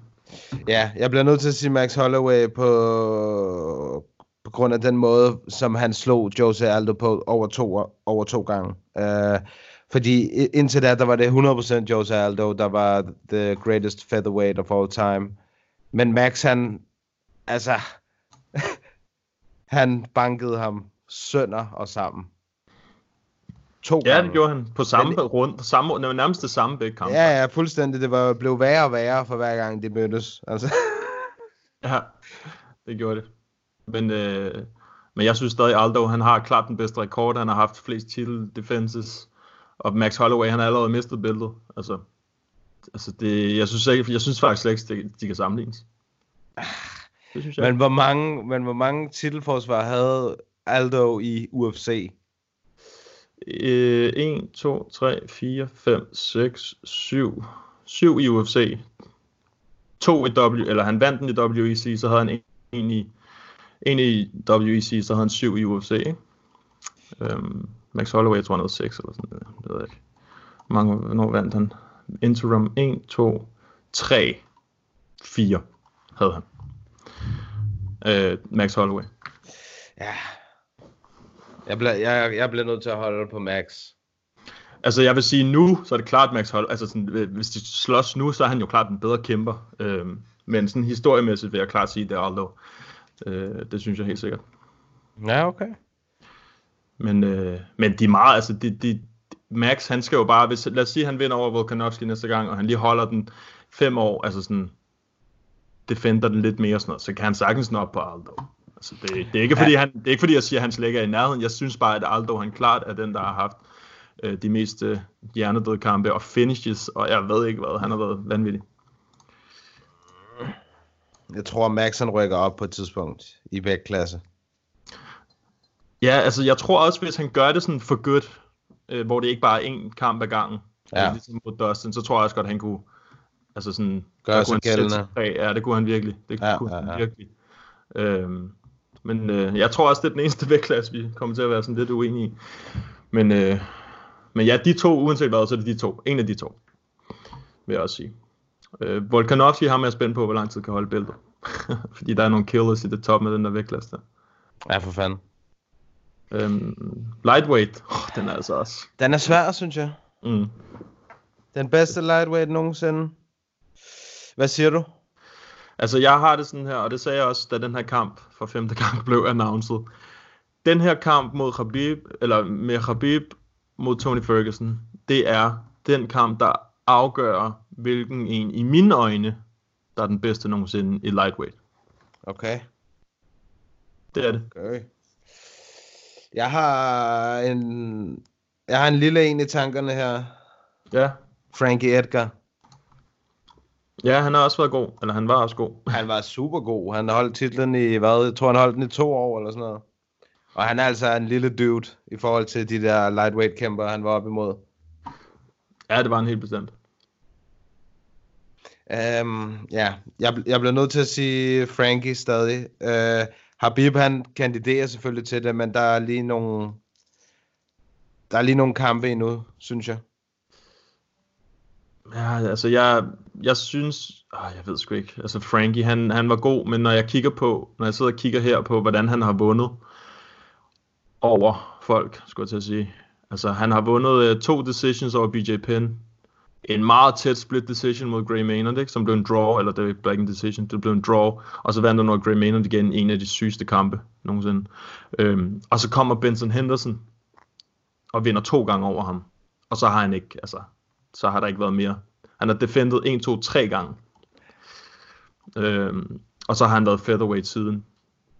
Øhm, ja, og det er selvfølgelig meget godt, men altså, den var også stærk på det tidspunkt, vil jeg sige. Så, altså, Det er svært at holde. Det er rigtig svært at holde den lightweight titel. Altså, der er jo ikke mange, der har, der har forsvaret den lige så mange gange. Altså, Nej, nej, det er svært at holde. Det er også som om, at der altid er et eller andet med den der skide division. Det der med, at der altid er et eller andet. Så er der nogle rematches, eller så er der en split decision, så bliver det, altså der er altid, så er der en draw, du ved. Der er altid Ja. noget mærkeligt i den der division. Det er ligesom nu, den der, men man bare venter på, at den her kamp kommer for femte gang. Som om der, den er bare cursed, den der øh, division. Men man kan så også sige, at Khabib, han er den eneste, der ikke har tabt. ja. Øhm, og Tony Ferguson, han har en win streak på 12 eller sådan noget. Fuldstændig Ja, men du kan nok godt ret, hvis, han, hvis, altså, hvis uh, Habib vinder den her, så, så overtager han nok the GOAT list i lightweight i hvert fald. Ja, øh, men hvis, ja det er rigtigt, Frankie han er også, altså hvis man skal have ham ind, hvis jeg skulle tage ham ind i min, så ville han også klart være en af de, de kæmper, der har gjort det bedst. Øh, men, men det er også bare for mig, at det ikke kun, hvor, altså om de har været champs i lang tid. For mig er det også måden, de gør det på. Hvis de fuldstændig udraderer folk, så synes jeg, det er anderledes, end hvis de vinder på en decision hver gang. Så det er også, for mig er det også måden, de har gjort det på igennem Ja, tiden. det kommer an på, hvem man kæmper mod, synes jeg. Ja, ja, men altså, det, når man ser, hvad hedder han, Khabib, altså bare mose Dustin Poirier fuldstændig. Altså, når man ser sådan noget, så kan man godt blive sådan helt, og kæft, er han bare god, når han kan gøre det mod en, som der er den næstbedste i divisionen, ikke? udover Tony Ferguson. Ja, jo. Han, men ja, det ved jeg ikke, men, men Dustin Poirier, det, det er rigtigt, han er den næstbedste på det tidspunkt. Stående, måske. Altså, du ved, han... Øh, hans, øh, hans, hvad kan man sige, hans bedste egenskab er at stå og bokse Dustin Poirier. Men hans, altså hans spidskompetence er ligesom det der med at stå og bokse. Øh, og Habibs spidskompetence er bare så meget bedre end, end Dustin Poiriers spidskompetence. Ja, klart, klart, men det, det fede er jo, at han stopper ham. Præcis. Ja, men det er det, fordi, altså netop fordi, at Poiriers spidskompetence ikke er lige så stærk som øh, Habibs, ikke? Fordi øh, lige så snart der røg på gulvet, så havde han jo intet modsvar. Nej. Nej, nej, præcis. Men, men nu når jeg sidder og kigger på Tony Ferguson, så er det nærmest endnu mere, altså sådan, det er endnu mere sindssygt, nærmest, hvordan han har gjort det. Han har haft, ud af alle dem, altså ud, ud, ud over at han har tabt en kamp til Michael Johnson, øhm, i lightweight i UFC, så har han vundet på, jeg ved ikke hvor mange stoppages. Det er helt sindssygt. Den måde, han har gjort det på. Og det er også det, jeg mener med, når jeg sammenligner de to, så er det sådan, jeg synes, der er forskel på at gå fem runder med øh, Ally Quinter for eksempel, som Khabib gjorde, end så ser man øh, på, på daværende altså, tidspunkt, så ser man, øh, hvad hedder han, Tony Ferguson fuldstændig udradere Kevin Lee og Anthony Pettis og Don Cer- altså, Ja, ja. han, har, han har også gjort det med manér. Han har to Darce choke, triangle choke, rear naked chokes, altså Han har det han, hele. han, han har det hele, og han er også, ja. Og så kan man sige, måden han gør det på, den er lidt mere spændende at se. Ikke fordi jeg siger, at det har noget at gøre med, hvor god han er, eller hvor, hvor, om han er goat eller ej, men øhm, han gør det, jeg, han gør det med maner, lad os sige det sådan, Tony Ferguson. Det gør han. Øh, så de ligger meget tæt. Så det er derfor, i mine øjne, så afgør det. Den kamp, det er også bare derfor, den skal ske. Ikke? Det, må ikke, øh, Oh. det er derfor, den skal ske. Den afgør, hvem der er den bedste lightweight i historien, vil jeg sige, i mine øjne. Ja, du har sgu nok ret. Oh, fuck, Tony Ferguson, mand. Tre tabte har han, og 25 vundne kamp. Puh, ja. Fuck, Det lyder mand. også helt absurd, at han skulle have tabt til Michael Johnson. Ja, Ja. Nå, skal vi gå videre til Welter? Welterweight, ja. Der, der er kun én. Der er kun én. Der er kun én. Vi kan gøre det meget kort med tre bogstaver. Lige præcis. GSP. Oh yes. Altså, der kan man så snakke om, at det, der var mange af hans kampe altså også forholdsvis kedelige, ikke? Jeg Jo. kan huske øh, den mod Josh Koscheck, er du sindssyg, en fucking brudkamp, mand. Der blev bare jabbet, jabbet, jabbet, jabbet, jabbet, jabbet. Ja, hans øje lignede også bare. Ja, men altså, det var, der var nogle af hans kampe også kedelige, GSP, men han, øh, han havde bare altid den rigtige gameplan og udførte den til perfektion. Mm. Men jeg synes til gengæld også, når man kigger på niveauet på derværende tidspunkt, så fik han nogen, der var, altså han fik nogen, der var virkelig højt niveau. Øhm, han tog dem bare en efter en, stille og roligt, GSP. Men der er bare sådan, i den vægtklasse, der er bare heller ikke nogen i historien, der har gjort det, der har vundet lige så meget som ham. Så om han, han gør det kedeligt eller ej, det er sådan set lige meget.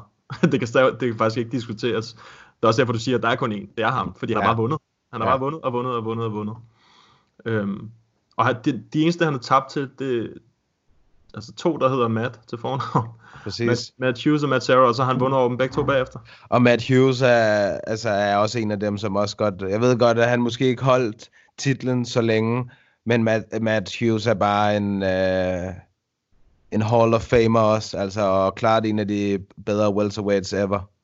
Helt klart. Han er bare ikke for den samme, øh, hvad kan man sige, æra som GSP. Nej, præcis. Ja, ikke, nej, det er rigtigt. Han var lige lidt før. Ja. Og så Han han var kom, lige- han var ligesom 2.0-versionen, øh, hvad hedder han? GSP, ikke? Jo, lige præcis, og det kunne man nærmest se, altså når man kigger, når man går tilbage og ser kampene, det er som om, så, det er som om i deres kamp, du ved, den første kamp, der taber GSP på armbar, og så bliver det sådan lidt, fuck det, jeg, jeg kæmper, kæmper mig op igen, og så gjorde han det, og så kom han med sit famous quote, I'm not impressed by your performance, ja, præcis. og så fik han sit rematch, ellers var det før det, det kan jeg ikke huske, men han fik i hvert fald sit rematch, og han bækkede efter det der rematch, og så vandt ja. han så den kamp. Så man kunne nærmest se, at tronen blev givet videre til GSP dengang. Øhm, det er meget fedt at se, men begge to, de, de er sindssyge, men GSP, han har bare vundet meget mere, og han har, altså, sådan en, Hvis som, man- når, ja, det er sindssygt.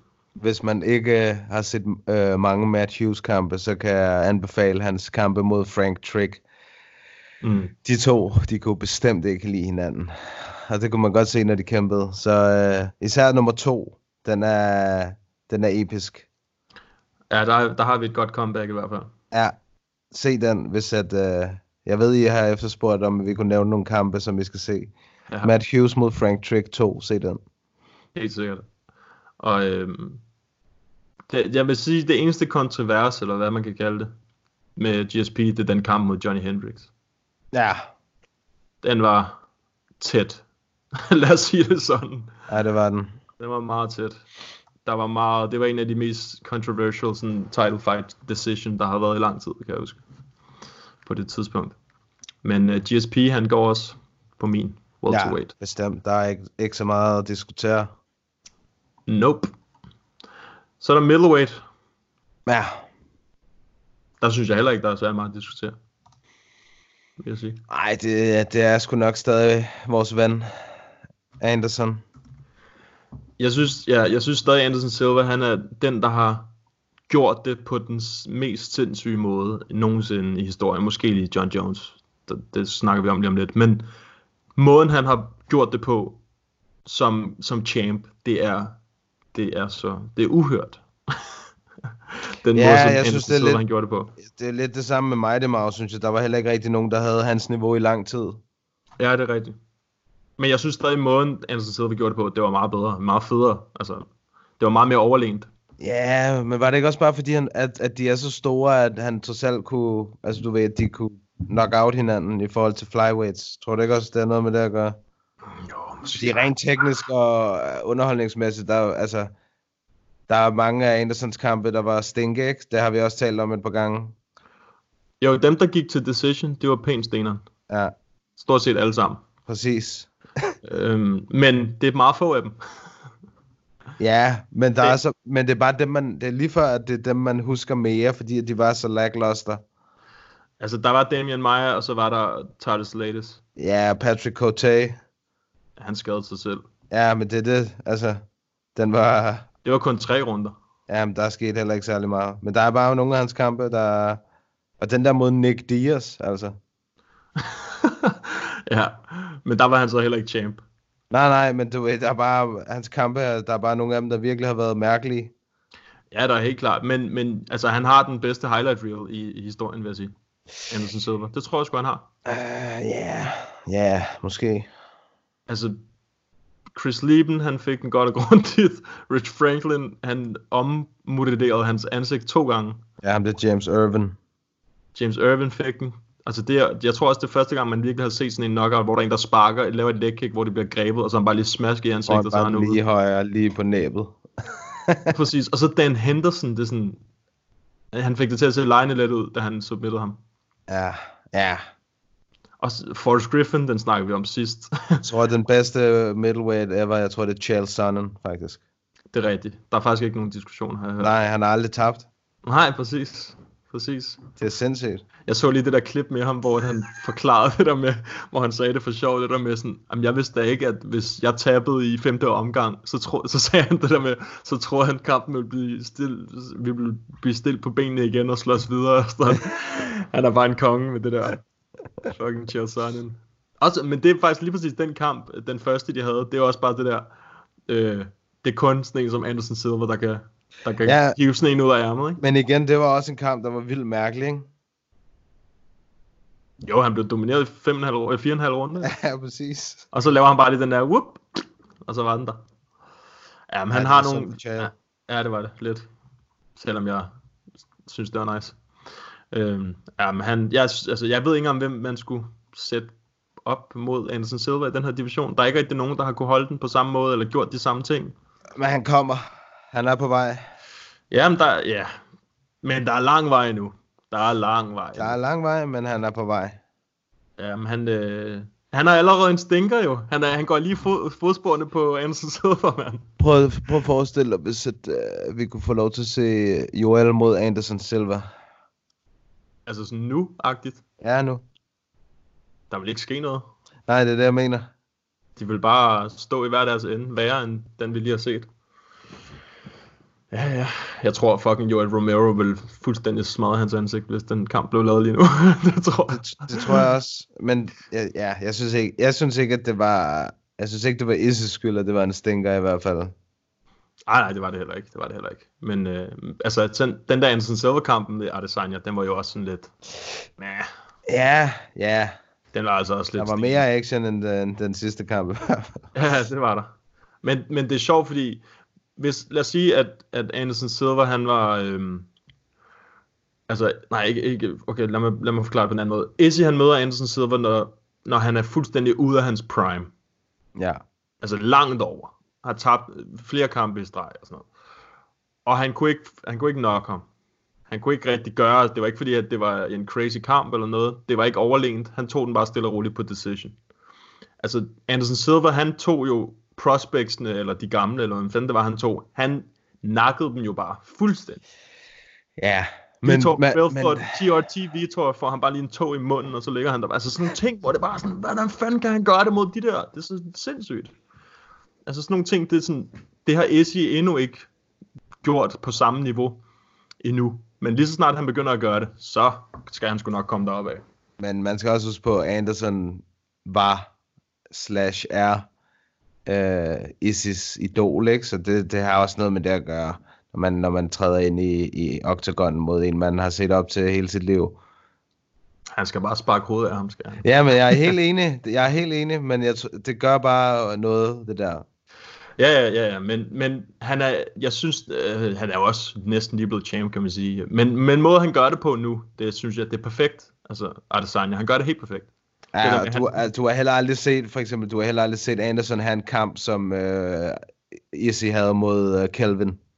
Nej, præcis. Det er det også. Altså, jeg sad også og tænkte på, at han har både haft en stinker, men han har også haft en hjernedød kamp. en af de bedste kampe ever. Ja. Ja, præcis. Og så ind imellem, så knockede han lige champion også. Så han gør de rigtige ting. Så han skal bare, altså om fem kampe, hvis han, lad os sige, at han defender fem kampe mere, så ligger han der jo. Ja, så, så altså, hvis han, hvis han forsvarer fem kampe med det terræn af modstandere, som der er PT, så er han the GOAT. Så er han, 100%. altså, ja, hvis, hvis, Hvis han også slår Paulo Costa, og Darren Till, og Jared Cannonier, og altså, du ved, og Edmund ja. Shabazian for eksempel til den tid, ikke? præcis. Er det er lige præcis det, han skal. Så, er du øh, sindssyg? ja. Fordi det var, også det var jo også det GSP i sin tid, han gjorde. ja. Øh, jeg ved godt, det er en anden vægtklasse, men det var det, han gjorde. Det var derfor, han var så sindssyg. Så kommer Thiago Alves op. Bum, lægger ham ned. Fem runder, vi ses. Så kommer Dan Hardy op. Bum, lægger ham ned, vi ses. Så kom John Fitch. Det er bare sådan, han, John Fitch havde vundet 16 kampe i streg. Han eller er fuld wrestle, WrestleMania, ja. selvom Og så fucker han ham bare fuldstændig op. Altså, det, det, er sådan, det er det, der skal til, før man kan blive en GOAT. Og Adesanya, han er godt på vej. Ja, helt Ja, bestemt. Det er, også, det, er, så- det er så fedt at se, når man går ind og kigger på de her fighters. Det der med, at der bare er helt grønt. Altså sådan, Ja, ja, det, det, det- er kun, det er kun vundne kampe, ikke? Det synes jeg er så Det sindssygt. er imponerende. Det er Ja. virkelig imponerende. Altså light heavyweight, der, altså, det, kan, det behøver vi jo ikke engang at tale om. Nej, Der er kun én. det er Tito Ortiz. Nej, det er Johnny Bones Jones. det er selvfølgelig John Juice.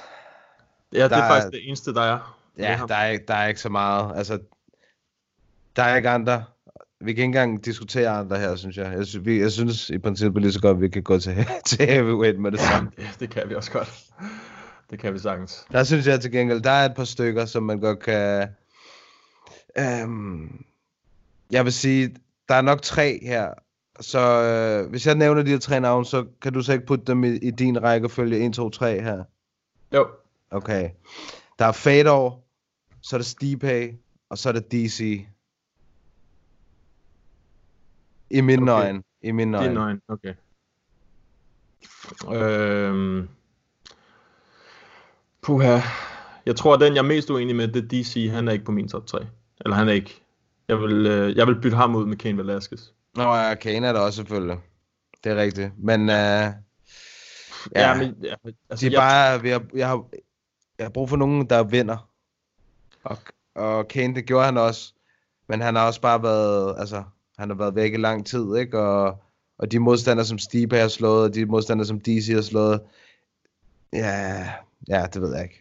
Nej, men det, ja, ja, men vi kan lige prøve at kigge på det. Altså, nu sidder jeg lige og kigger på Fedor, fordi han var jo The Emperor. Altså, Det var han. Øhm, jeg tror, nu, nu var det jo lang tid før, at jeg begyndte at se MMA sådan rigtigt, at altså, jeg så ikke ham i starten, fordi altså, MMA, det var jo nærmest kun UFC, der var altså, der kom der blev vist og reklameret en lille smule for her i Danmark, ikke? Ja. Ja. til at starte med. Men, øh, men så begyndte jeg så at se, men det var, det var som om, det var for sent, da jeg begyndte at se Fedor slås. Altså, Ja, han var på, han var på the, down, uh, the downward spiral. Det var der, hvor han blev choket af, af Vadum, Vadum, og blev knocket ja. og to gange streg og sådan noget. Men uanset hvad, så ligger han der, fordi før det, så havde han vundet, jeg ved ikke, hvor mange kampe i streg. Altså sådan noget, 30, 31 i streg. Med en no contest eller sådan noget, og tabt en. Det var fuldstændig hjernedødt. Øh, og så gjorde han det også mod nogen, som på daværende tidspunkt, altså, hvad hedder det, Nogueira og sådan noget, som også bare var gode på det tidspunkt. Han har bare gjort det mod nogen, som i hans æra, der var, der var gode også. Ja. Ja. Det skal man heller ikke, øh, hvad kan man sige, tage fra ham. Også bare sådan om de der crazy fights, han har haft over i, øh, i Japan. Sådan, Hong, ham der Hongman Choi, og jeg ved ikke hvad. Han har Altså, han nogle er- fede nogen. Ja. Ham der Men det er- Sul- men det- Sulusinho. Var det ikke ham der big, big boy der? Men, men det der bare også med det, det er bare nogle af de modstandere, som han så har haft derovre i, i, i Japan og Rusland og sådan noget, ikke? Der, er- der kan man altså godt stille lidt spørgsmålstegn ved, ved niveauet på nogle af dem. Der er det Klar. selvfølgelig noget andet med, med sådan en som Stipe, og i mine øjne DC eller Kane for den sags skyld. Jeg synes bare, at grunden til, at jeg, at jeg nævner DC, det var, at det, altså stort set indtil at han tabte til, til, til Stipe, der havde manden jo ikke tabt så meget som en omgang i, altså, han har, hvad var det, han har aldrig tabt en, en, en heavyweight wrestling kamp, og indtil han tabte Stipe, der havde han jo nærmest ikke tabt en runde som heavyweight. Nej, det Og er hvis, og hvis det ikke er imponerende, altså det, hvis, hvis det ikke kandiderer til at være en af de bedste ever, så, så, du ved, så, så er det svært for mig at se, hvad der så gør, synes jeg. Men, men for mig så det, har det noget at gøre med, hvem han kæmpede mod i heavyweight. Han har kæmpet mod mange gode. Ja, ja, men, men når man kigger på, altså han gjorde det jo, han gjorde det jo meget kort, altså han var kun mod to i uh, heavyweight i, i UFC, før han mødte Stipe. Ja. Eller, eller Derek Lewis også, ikke? Men altså.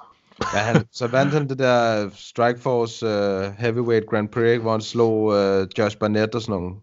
Ja, altså det, det var sindssygt, og det var mere, det, det var mere imponerende, at han gjorde det, altså på den måde, han gjorde det på, ikke?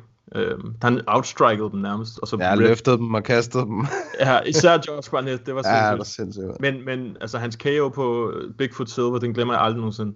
Øhm, den var også sindssyg, hvor han kommer med Hammer Fist of Doom og sådan noget. Men, ja. øh, men, men det er mere sådan det der med, så springer han til light heavyweight. Og så går der alligevel lang tid, før han kommer tilbage igen. Ikke? Ja, jo, men det var jo på grund af Kane. Ja, ja, klart, men han har haft nogle bedre sejre i light heavyweight, end, end han har haft i heavyweight. Vil jeg sige. Ja, han har haft nogle gode navne. Det er rigtigt. Så, så det er mere det, det der med, jeg vil faktisk sige, at han er en bedre light heavyweight, end han er en heavyweight. Øh, Det ved jeg ikke. Det, det, tror jeg, det tror jeg, jeg er uenig i. For han tabte, han tabte altså også nogle runder til Gustafsson for eksempel. Og jeg tror også, som jeg husker det, der hvad havde han, var han også i problemer mod Rumble, ikke? hvor han blev sparket lige på næsen. jo, jo, men han vandt stadig. Det gjorde han. to det gjorde gange han. over ham. Han har bare aldrig rigtig været i problemer som heavyweight, ind, du ved, indtil han tabte til Stipe. Nej, men han er, man kan sige, man kan sige, Stipe, han har rekorden for flest def, altså defended titles i UFC. Ja. Øhm, og når man kigger på hans altså rekord, Stipe, så er det jo også nogle, det, det, nogle, det er noget andet niveau, vil jeg sige, ikke? end dem, der var i Strikeforce på det andet tidspunkt. Og så, og så har de mødt nogle af de samme også. Men øhm, jeg tror sgu, jeg tror sgu, jeg læner mest til, til Stipe. Ja. Øh, og så er der selvfølgelig Kane, som... Altså han, det var, det er jo også skader, der har gjort der har fucket op for ham, ikke? Det er så ærgerligt, mand. Jeg kan Ja, godt gå med til, altså jeg kan godt gå med til Stipe som nummer et, det er helt sikkert, fordi han har trods alt også slået DC, og han har slået Francis, og han har tilbagevundet sin titel, efter han har tabt den. Ja. Og det, er- det er også noget, der lige giver et par ekstra hår på brystet, hvis du spørger mig. Klart, klart, lige præcis. Det er det, en champ skal kunne jo. Ja, for helvede. Ligesom GSP han gjorde, ikke? Øh, med dem, han havde tabt til. Ja. Men, men Kane, det, det, er også bare måden, han har gjort det på. Altså, det, Ja, han, han, han havde bare, han viste noget, som vi ikke havde set før hos en heavyweight. præcis. Han, han var den første med god cardio, man Han har set. The Machine. Han, han, han var Khabib i heavyweight mode. Fuldstændig. Det var, det var sindssygt. Altså, det, det, det er også det, ikke? Det er det der med måden, de gør det på. Stipe, han er mere en bokser. Det er jo også fedt nok, kan man sige. Men Kane, altså sådan, den der vi snakker om for lidt siden med Silver, hvor han bare fuldstændig most ham. Ja, det han. Og, og det samme med Junior Dos Santos, ikke? Og så Travis Brown efterfølgende fik han også lige et, øh, ja, 360 et eller andet kick, der var lige ved at ramme ham, og så tog han bare ned og smaskede ham, ikke? Han har gjort det godt. Jeg har en helt bestemt. Kane er også en af mine favoritter. Det er bare så lang tid siden, at, altså, for det ja. Første, han har vundet, og han, altså, Ja, ja, ja. det ja, føles altså, som 100 år siden i MMA-år efterhånden. Ja, den der Travis Brown kamp, det, det er lang tid siden nu. Ja, ja. Men øh, ja, det, det, det ligger sgu nok med dem, vi lige har snakket om i hvert fald. Det er helt sikkert. ja. Så fik vi jo øh, Fik vi rundet det. alle de mandlige divisioner her, og deres goats. Så må der være lidt at tage fat, i, øh, tage fat i derude, hvis at... Øh, hvis I sidder derhjemme og er i coronakarantæne, så er det bare at investere i Fight Pass og komme ind og se nogle af de kampe, eller nogle af de kæmpere, som vi har nævnt her. Ja. Der er meget nostalgi. ja, der er, der er sindssygt meget nostalgi. Altså, sådan, jeg skal også lige ind og se Anderson Silver, øh, John Jones, den bliver også god at se. Altså sådan det der med dem, man ved, der bare har rullet igennem. Det er så vildt Ja. at, at se tilbage. Ikke? Også Amanda Nunes for den sags skyld. Altså sådan, når det kommer til kvinderne, ikke? Og Shevchenko og sådan noget. Young John Jones er klart en af de mest interessante at se, fordi på det tidspunkt, der var han en rigtig killer, der nærmest afsluttede alle hans modstandere, og det, og det var knockout, og det var submission, så det var alt muligt. Også bare det der med, at man kunne se, at han blev bedre for hver gang. Ja, hvilket er jo hyggeligt nok i sig selv. Fuldstændig. altså, jeg, jeg, kan, jeg kan huske, da jeg så det, hans kamp mod Stephen Bonner, jeg var bare sådan, hvad er, det, han, hvad er det, han laver med ham? Det var som om, det var sådan en kludedukke. Ja, det var en mand mod en dreng. Det var, det var helt sindssygt. Og det var, altså, det er, det er over 10 år siden nu, ikke? Det, Det ja, er sgu imponerende. ja, det er det virkelig. Stadig klart værd at gå tilbage og kigge på. Helt bestemt. Øhm, jeg kan lige prøve at se, om der kommer noget i mellemtiden, bare lige, hvis vi får det hele med. Øh, måske et spørgsmål. Hop, hop, hop. der er en, der spørger ind til, øh, det er Adam inde på Instagram, og spørger, måske spørgsmålet er stillet lidt for sent, men kunne, kunne et fedt matchup være David Underwear, Underwear Man Timor mod øh, Marco Madsen? Det, har jeg ikke nævnt det på et tidspunkt? Det synes jeg, jeg gjorde. ah, det, det kan sgu godt være, du nævnte Jeg det. synes, jeg nævnte Timor-brødrene, en af Timor-brødrene, ja. og Marco. Det er jeg ret sikker på, faktisk skandinavisk. Uh... Det kan sgu godt være, du gjorde det, ja. Jeg kan ikke huske, hvilken sammenhæng. Det var måske, da vi snakkede om det der med underwear. Jeg ved det ikke. Nej, nej, det var, det var 100%, det var noget med Mark-modstander eller noget. Det, det er et stykke tid siden, men jeg er ret sikker på, at jeg nævnte det. Uh, jo, det ville være et fint matchup. Specielt hvad- nu, for han, må være, han han må være lidt højere. Ja, han er han er fuld striker, ikke? kickboxer. Han har lige kæmpet mod Charles Oliveira. Ja, det gik ikke så godt. Han blev, ah, der blev han tagget og rocked, og så blev han selv uh, submitted. Ja. Ja, altså, ja, udover at jeg tror, at Mark han vil gå til sin, sin uh, wrestling, så uh, ja, så kunne det da være meget fint. Det vil være en sværere modstander end sidste i hvert fald. Uh, ja, det kunne godt være spændende. Det vil være ja. et, et decent matchup. Ja. Men jeg siger stadig uh, Clay Guida. Ja, det kunne være så fedt, hvis den lige kom, ikke? efter vi har snakket om det. jo, det vil ikke være dumt. Ja, en, en af de der gamle, det, det, det er jeg også klar nok på. Det er nok Ja. også bedre end, uh, end Timor, tænker jeg. Ja, det kunne være lidt sjovt. Ja. Selvom Timor, han, er, han kan synge, også og sjov, han... ja. øh, Fuck, mand. Det er sjovt. Las Vegas. ho, ho, ho. Men jeg tror sgu, at det var det. Ja, Jeg laver et opslag med den der top 10, så kan folk selv skrive det. det er Øh, top 8, mand. top 8, ja, sorry. jeg glemmer hele tiden det der top 10, top 8. Øh, det var fordi, vi også fik et spørgsmål om vores top 10. Men dem kan vi lige kigge på til næste gang.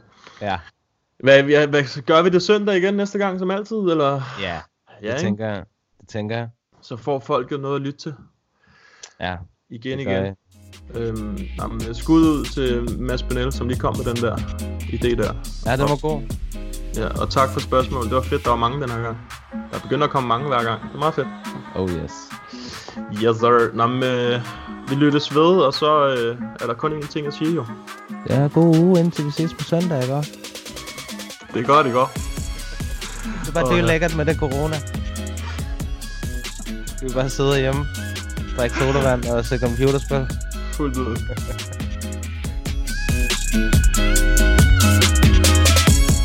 What's up, y'all? Jared Killer Gorilla right here. Thank you for listening to MMA Media Podcast in Papadon.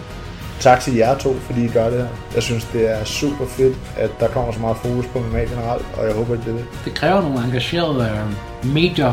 Det kræver også noget, som I gør. Så, så super mange tak for det.